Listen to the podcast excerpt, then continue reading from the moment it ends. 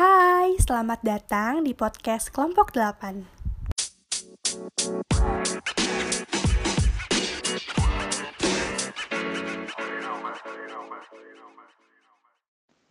Pertama-tama, kami akan membahas tentang peluang globalisasi dan uh, tantangannya.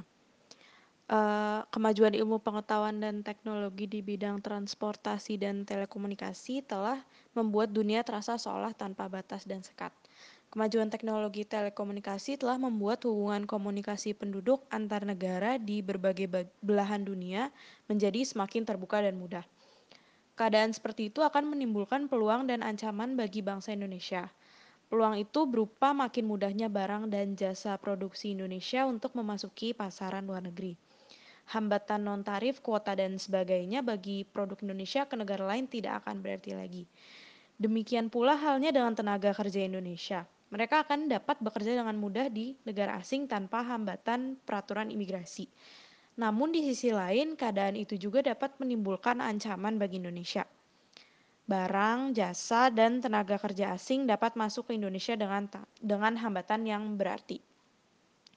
Lalu jika kita bicara tentang globalisasi dan tantangannya, dalam konteks globalisasi sebagai tantangan merupakan cara pandang yang optimistis, di mana memandang globalisasi sebagai suatu yang menantang, mengandung mak makna bahwa sesuatu tersebut harus disikapi dan dihadapi dengan berbagai upaya dan strategi.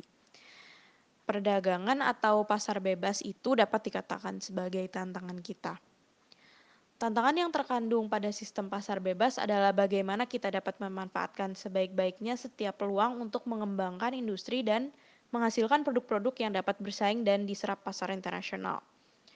Guna menghadapi tantangan tersebut, maka sumber daya, sumber daya manusia yang berkualitas sangat diperlukan untuk dapat memainkan peran sebagai pelaku aktif yang dapat bersaing atau bahkan keluar sebagai pemenang dalam persaingan global ini.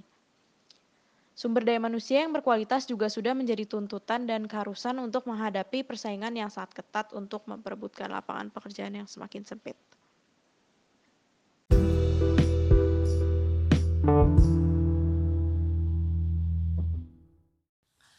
Oke, jadi uh, sekarang aku bakal menjelaskan tentang dampak globalisasi dalam perkembangan dunia. Apa itu globalisasi? Nah, globalisasi adalah kata yang digunakan untuk menggambarkan saling ketergantungan yang tumbuh dari ekonomi, budaya, dan populasi dunia yang ditimbulkan oleh perdagangan lintas barang dan jasa, teknologi, dan aliran investasi, orang maupun informasi. Lalu, Laporan globalisasi ekonomi dunia dari The Milken Institute tahun 2003 menyoroti banyak manfaat yang terkait dengan globalisasi sambil menguraikan beberapa resiko yang harus juga dipertimbangkan pemerintah dan investor. Dan prinsip-prinsip laporan ini tetap relevan.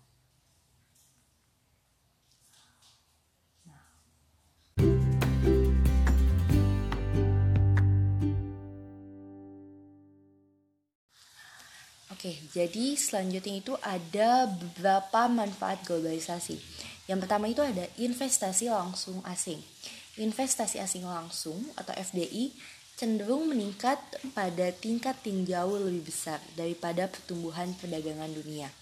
Membantu mendorong transfer teknologi, restrukturisasi industri, dan pertumbuhan perusahaan global. Yang kedua itu ada inovasi teknologi Inovasi teknologi ini memiliki arti untuk meningkatnya persaingan dari globalisasi membantu merangsang pengembangan teknologi baru, khususnya dengan pertumbuhan FDI, yang membantu meningkatkan output ekonomi dengan membuat proses lebih efisien. Yang tiga ada skala ekonomi.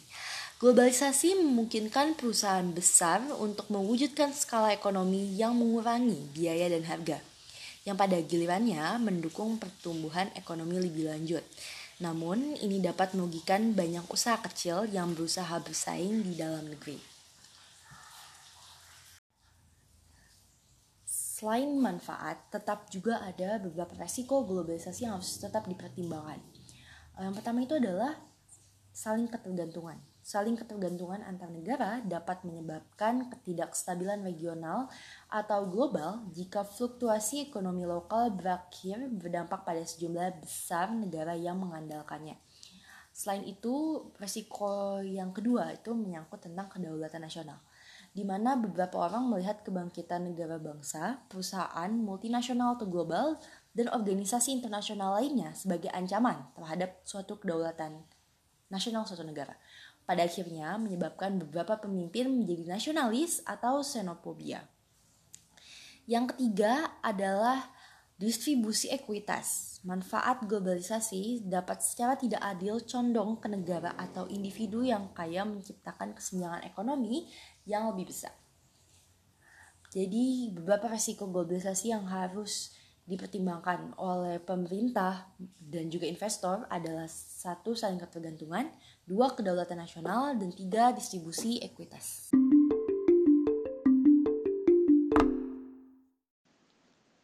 Selanjutnya, kami akan uh, membahas tentang perkembangan ICT. ICT atau yang disebut sebagai Information and Communication Technologies atau dalam bahasa Indonesia lebih kita kenal sebagai teknologi informasi dan komunikasi merupakan sebuah pengertian yang memberi cakupan dalam segala aspek dari peralatan teknis dalam memberikan informasi, menyampaikan informasi, dan proses dari teknologi tersebut. Dunia telah mengenal dunia baru, yaitu dunia ICT, di mana segala aspek mulai dikuasai oleh media teknologi komunikasi. Perkembangan dari era teknologi komunikasi yang ada, semakin lama semakin banyak membantu kinerja dari para usahawan. Penerapan dari teknologi informasi dalam lingkungan kerja meliputi pemenuhan keefisiensian dari waktu dan biaya, Penggunaan internet juga memudahkan para pengusaha dalam memasarkan perusahaannya kepada halayak dan pencarian tenaga baru, tenaga kerja baru lebih dimudahkan. Dunia ICT memang memberikan peranan yang besar dalam kemasyarakatan. Kalau di Indonesia sendiri, prospek ICT dalam kehidupan ke depannya telah banyak memberikan kesejahteraan bagi masyarakat Indonesia. Bidang yang turut mengikuti perkembangan yang pesat dengan ICT adalah uh, dunia perekonomian. Penggunaannya banyak meliputi penggunaan ICT sebagai penunjang usaha kecil menengah menjadi lebih produktif. Hal ini nampak dalam urusan bisnis yang mengaitkan teknologi komunikasi dan informasi sebagai penggunaan dalam perdagangan elektronik atau yang biasa kita sebut dengan e-commerce. Perdagangan yang menggunakan pemanfaatan dari jaringan komunikasi internet ini disebut-sebut sebagai dunia e-commerce. Lalu kami akan membahas tentang dampak perkembangan dari ICT tersebut. Tentunya uh, ada dampak positif dan negatifnya. Untuk dampak positifnya, internet tuh uh, sebagai media komunikasi. Ia merupakan fungsi internet yang paling banyak digunakan di mana setiap pengguna internet dapat berkomunikasi. Lalu uh, yang kedua sebagai media pertukaran data dengan menggunakan email, newsgroup, dan www jaringan situs-situs web, para pengguna internet di seluruh dunia dapat saling bertukar informasi dengan cepat dan mudah. Lalu dampak positif yang ketiga, uh, media untuk mencari informasi uh, itu mudah karena perkembangan internet yang pesat. Uh, lalu uh, kami akan membahas tentang dampak negatif dari ICT tersebut. Yang pertama ada ketergantungan. Jadi media komputer ini tuh dia memiliki kualitas atraktif yang dapat merespons segala stimulus yang diberikan oleh penggunanya. Karena terlalu atraktif, jadi dia kadang-kadang membuat penggunanya seakan-akan menemukan dunianya sendiri yang membuatnya terasa nyaman dan tidak mau melepaskannya. Yang kedua ada uh, dampak negatifnya ada violence and gore. Kekejaman dan kesadisan juga banyak ditampilkan pada komputer karena segi isi pada dunia internet tuh tidak terbatas. Maka para pemilik situs menggunakan berbagai macam cara agar dapat menjual situs mereka. Salah satunya dengan menampilkan hal-hal yang menunjukkan uh, kekejaman, kekejaman dan kesadisan. Yang ketiga itu adalah uh, pornografi. Anggapan yang mengatakan bahwa internet identik dengan pornografi emang tidak salah. Dengan kemampuan penyampaian informasi yang dimiliki internet, pornografi pun pastinya merajalela. Begitu banyak situs-situs pornografi yang ada di internet meresahkan banyak pihak, terutama kalangan orang tua yang khawatir anak-anaknya akan mengonsumsi hal-hal yang bersifat porno. Uh, begitulah dampak positif dan negatif dari perkembangan ICT. Nah, materi selanjutnya kita bakal ngebahas tentang International Court of Justice atau Mahkamah Internasional kita singkat sebagai ICJ atau ICJ adalah uh, sebuah badan kehakiman utama Perserikatan Bangsa-Bangsa. Jadi dia tuh punya fungsi utama buat menyelesaikan sengketa uh, antar negara-negara anggota. Lembaga ini juga memberikan pendapat atau nasihat kepada badan-badan resmi dan lembaga khusus yang dibentuk oleh PBB. Nah, dalam pelaksanaan tugasnya, Mahkamah Internasional ini mengacu pada konvensi internasional untuk menetapkan perkara yang diakui oleh negara-negara yang sedang bersengketa. ICJ ini juga berpedoman kepada kebiasaan internasional yang menjadi bukti praktik umum yang diterima sebagai hukum. Selain itu, ICJ menggunakan asas-asas umum yang diakui oleh negara-negara yang mempunyai peradaban. Mahkamah Internasional atau ICJ ini juga bisa menggunakan keputusan-keputusan kehakiman dan literatur dari penerbit terkemuka dari berbagai negara sebagai pedoman tambahan dalam menentukan peraturan hukum. Nah, menurut keterangan dari situs resmi ICJ ini, uh, hanya negara-negara anggota yang bisa mengajukan kasusnya ke Mahkamah Internasional. Jadi Mahkamah Internasional tidak memiliki kewenangan untuk menyelesaikan permintaan dari individu, organisasi non-pemerintah, korporasi, atau entitas swasta lainnya. Nah, kata yang di situs Mahkamah Internasional itu kayak gitu.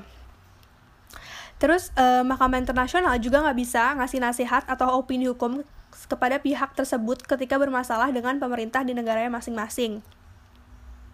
Nah, di sini ada tiga cara buat uh, yang bisa diikuti negara yang ingin mengajukan kasus sengketanya dengan negara lain. Gimana caranya uh, biar kita tuh mau mengajukan kasus sengketa uh, negara kita uh, dengan negara lain ke Mahkamah Internasional. Yang pertama dengan kesepakatan khusus atau special agreement, yaitu dua negara atau lebih yang bersengketa bersama-sama mengajukan kasus tersebut ke Mahkamah Internasional dalam suatu kesepakatan. Yang kedua melalui klausul khusus dalam traktat perjanjian atau clause in treaty.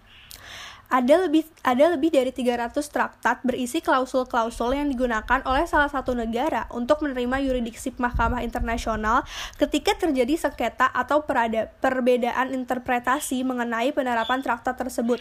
Nah, yang ketiga adanya deklarasi unilateral atau unilateral declaration yaitu negara-negara yang mengajukan kasus sengketanya ke Mahkamah Internasional bisa memilih menggunakan deklarasi unilateral yang sesuai dengan yuridiksi mahkamah dan mengikuti negara lainnya. Nah, sebenarnya tuh kayak kasus-kasus apa aja sih yang udah pernah disidang, disidangin atau diputusin dalam Mahkamah Internasional ini? Berdasarkan data ICG, ada 3000 ICJ. Berdasarkan data ICJ, ada 3.674 keputusan yang telah dikeluarkan mahkamah sejak beroperasi dari 1946 sampai 2015. Nah, eh, salah satu contoh kasusnya nih, ada kasus sengketa pertama yang ditangani Mahkamah Internasional, yaitu sengketa di Selat Korfu antara Inggris dan Albania pada 1947, eh, yang merupakan era Perang Dingin eh, atau Cold War. Pada saat itu, dua kapal angkatan laut kerajaan Inggris rusak karena ditembak oleh rep, e, tentara dari Republik Albania. Nah, beberapa tentara angkatan laut Inggris ini juga uh, tewas dalam insiden tersebut. Akhirnya pada 1949, ICJ atau Mahkamah Internasional ini memerintahkan Albania untuk bayar ganti rugi kepada Inggris sebesar 843.947 pound sterling. Nah, tapi ganti rugi itu baru dibayar Albania pada 1996. Jadi berapa tahun tuh uh, sampai Albania baru bayar ganti rugi. Nah, terus keputusan yang dihasilkan oleh Mahkamah Internasional bersifat mengikat dan harus dipatuhi oleh negara-negara yang bersengketa. Tidak ada peluang bagi mereka untuk melakukan banding atas keputusan tersebut. Jadi kayak tadi, kalau misalnya udah uh, eh, ICJ ini ngasih uh, nyuruh ganti rugi, buat ke ganti rugi Albania ke Inggris harus diganti rugi walaupun sama Albania ini baru dibayar tahun 1999 gitu.